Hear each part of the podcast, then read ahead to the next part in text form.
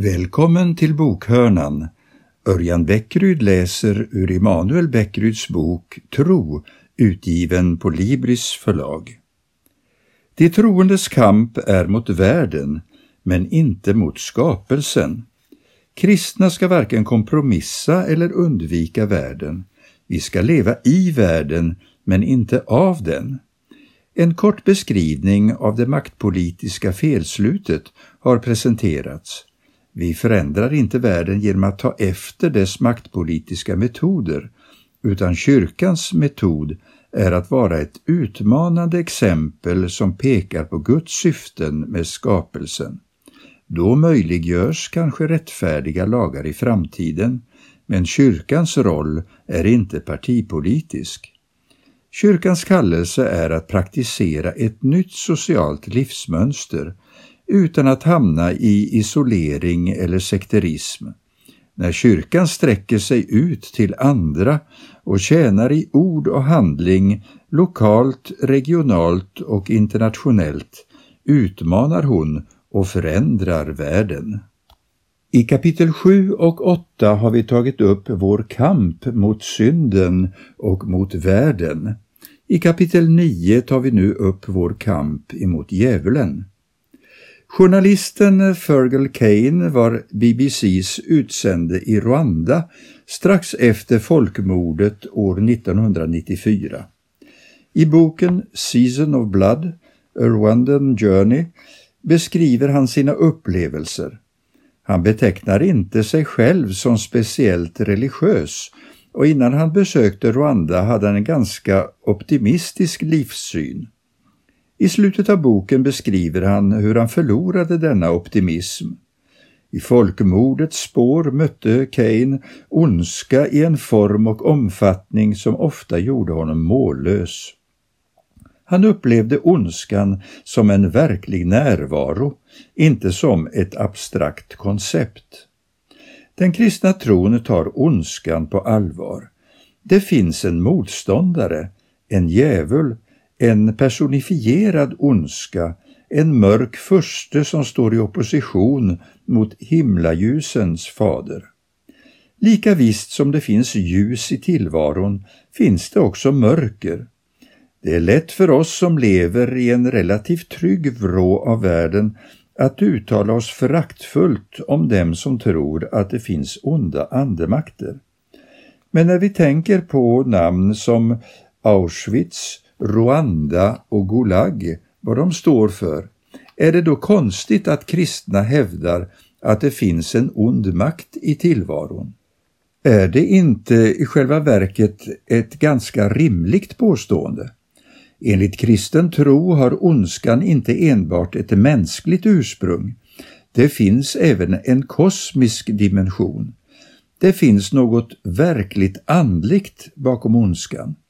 Allt är inte bara sociologi och psykologi. Det finns även demonologi. De två föregående kapitlen om synden och världen har på sätt och vis handlat om motstånd och kamp. Detta kapitel handlar om en annan avgörande front, den mot härskarna, mot makterna, mot herrarna över denna mörkrets värld, mot ondskans andekrafter i himlarymderna. Detta enligt Paulus brev till de troende i Efesos. Lika lite som vi kan vinna seger över synden och världens strukturer på egen hand, lika lite kan vi i oss själva vinna seger över dessa makter. Kristen teologi har traditionellt kallat dessa tre fiender för köttet, världen och djävulen.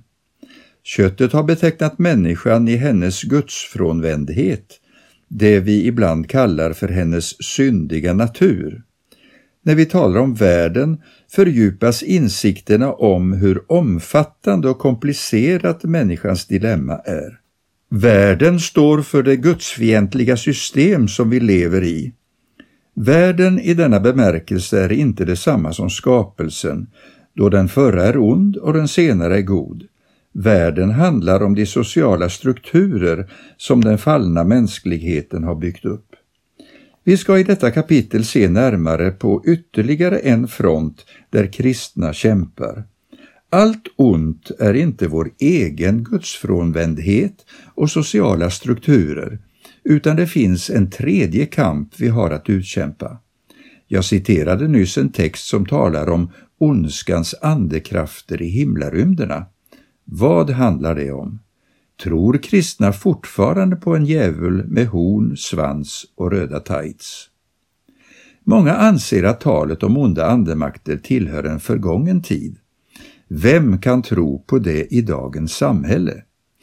Den inflytelserike tyske 1900-talsteologen Rudolf Bultmann talade om vikten av att avmytologisera Bibeln, det vill säga avlägsna det som är anstötligt för västerländskt modernt tänkande. Dit hör tron på en ond makt i tillvaron. Han menade att det i vår upplysta teknologiska tid är omöjligt att tro att andeväsen existerar. När man läser evangelierna bör man, enligt Bultmann, se bortom författarnas och de första kristnas världsbild. De var ju barn av sin tid och delade sin tids ovetenskapliga tankesätt. Detta kan låta mycket sunt och förnuftigt. De första kristna var mycket riktigt präglade av sin tid och de levde i en kulturkrets där tron på andeväsen var utbredd. Bland de breda folklagren ifrågasattes inte detta. Som i stora delar av världen idag trodde man att tillvaron stod under inflytande av andekrafter mäktigare än människan. Att behärska dessa krafter, inte minst genom magi, ansågs livsviktigt. Här fanns i vissa fall också en koppling till astrologin eftersom man trodde att himlakropparna på något sätt representerade eller var uttryck för dessa makter. Och denna tro på andeväsen delades av de första kristna. De var barn av sin tid. Teologen Walter Wink beskriver målande hur det för honom och många andra nutida människor är omöjligt att tro på verkliga demoner och änglar. Lika omöjligt som att tro på drakar eller en platt jord. För honom är det självklart att några sådana andeväsen inte finns. Och många moderna västerlänningar delar denna utgångspunkt. Det vi dock sällan tänker på är att även vi är formade av vår miljö. Även vi är barn av vår tid och vår kultur. Vi har också glasögon som färgar det vi ser. Och vad är det som säger att vi i vår tid har en bättre förståelse av tillvarons beskaffenhet? Svaret kan inte hänvisa till naturvetenskapen, för den handlar per definition om det vi kan mäta, väga och analysera med våra sinnen. Den andliga världen är, om den finns, översinnlig, det vill säga att den går utöver det våra sinnen kan registrera. Skillnaden mellan drakar och demoner är att drakar är observerbara, om de finns, medan demoner inte är det. Om drakar finns är de per definition synliga för blotta ögat. Man kan tänka sig att skåda drakar precis som man skådar fåglar. Eftersom ingen av oss sett någon drake drar vi slutsatsen att några sådana inte finns. Med demoner förhåller det sig annorlunda, för det tillhör deras egenart att inte vara tillgängliga för våra sinnen. Om vi inte med våra sinnen kan utesluta en andlig verklighet, hur ska vi då hävda vår nutida överlägsenhet? Ska vi hävda att vi är förnuftigare? Vad som är förnuftigt kan man dock ha olika synpunkter på. Antikens människor skulle nog ha hävdat att deras föreställningar var mycket förnuftigare än vår tids förkrympta materialistiska världsbild. Det är som den franske 1600-talstänkaren Blaise Pascal uttryckte det, förnuftet kan böjas i alla riktningar. Vi ska ha tilltro till och använda vårt förnuft, men vi måste också erkänna att vad som är förnuftigt är påverkat av samtidens kultur och värderingar. Det innebär inte att allt är godtyckligt utan bara att vi ödmjukt måste inse att saker och ting som ter sig självklara för oss kan vara det av ren och skär vana och inte för att det i sig äger en inneboende totalt övertygande rationalitet. Vanan har stor makt över tanken. Var och en av oss står stadigt rotade i en specifik kulturs mylla, en konkret plats i historien och det är från denna plats vi utgår när vi använder vårt förnuft. Vissa saker är självklara utgångspunkter för oss, andra inte, beroende på var vi är rotade i historien. För att än en gång citera Blaise Pascal. Om vi framgångsrikt vill avvisa en annan människas åsikt och klargöra för henne att hon tagit fel, ska vi ge akt på den synvinkel under vilken hon betraktar saken, ty från sin egen synvinkel har hon vanligen rätt. Detta bör vi erkänna och därnäst visa henne den synpunkt som gör att hennes påstående blir ohållbart. Då kan hon låta övertyga sig.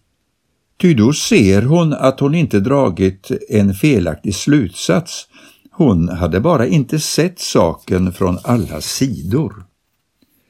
Vi har alltså inte så mycket på fötterna när vi utan att blinka avfärdar andra tiders och kulturers tro på andeväsen.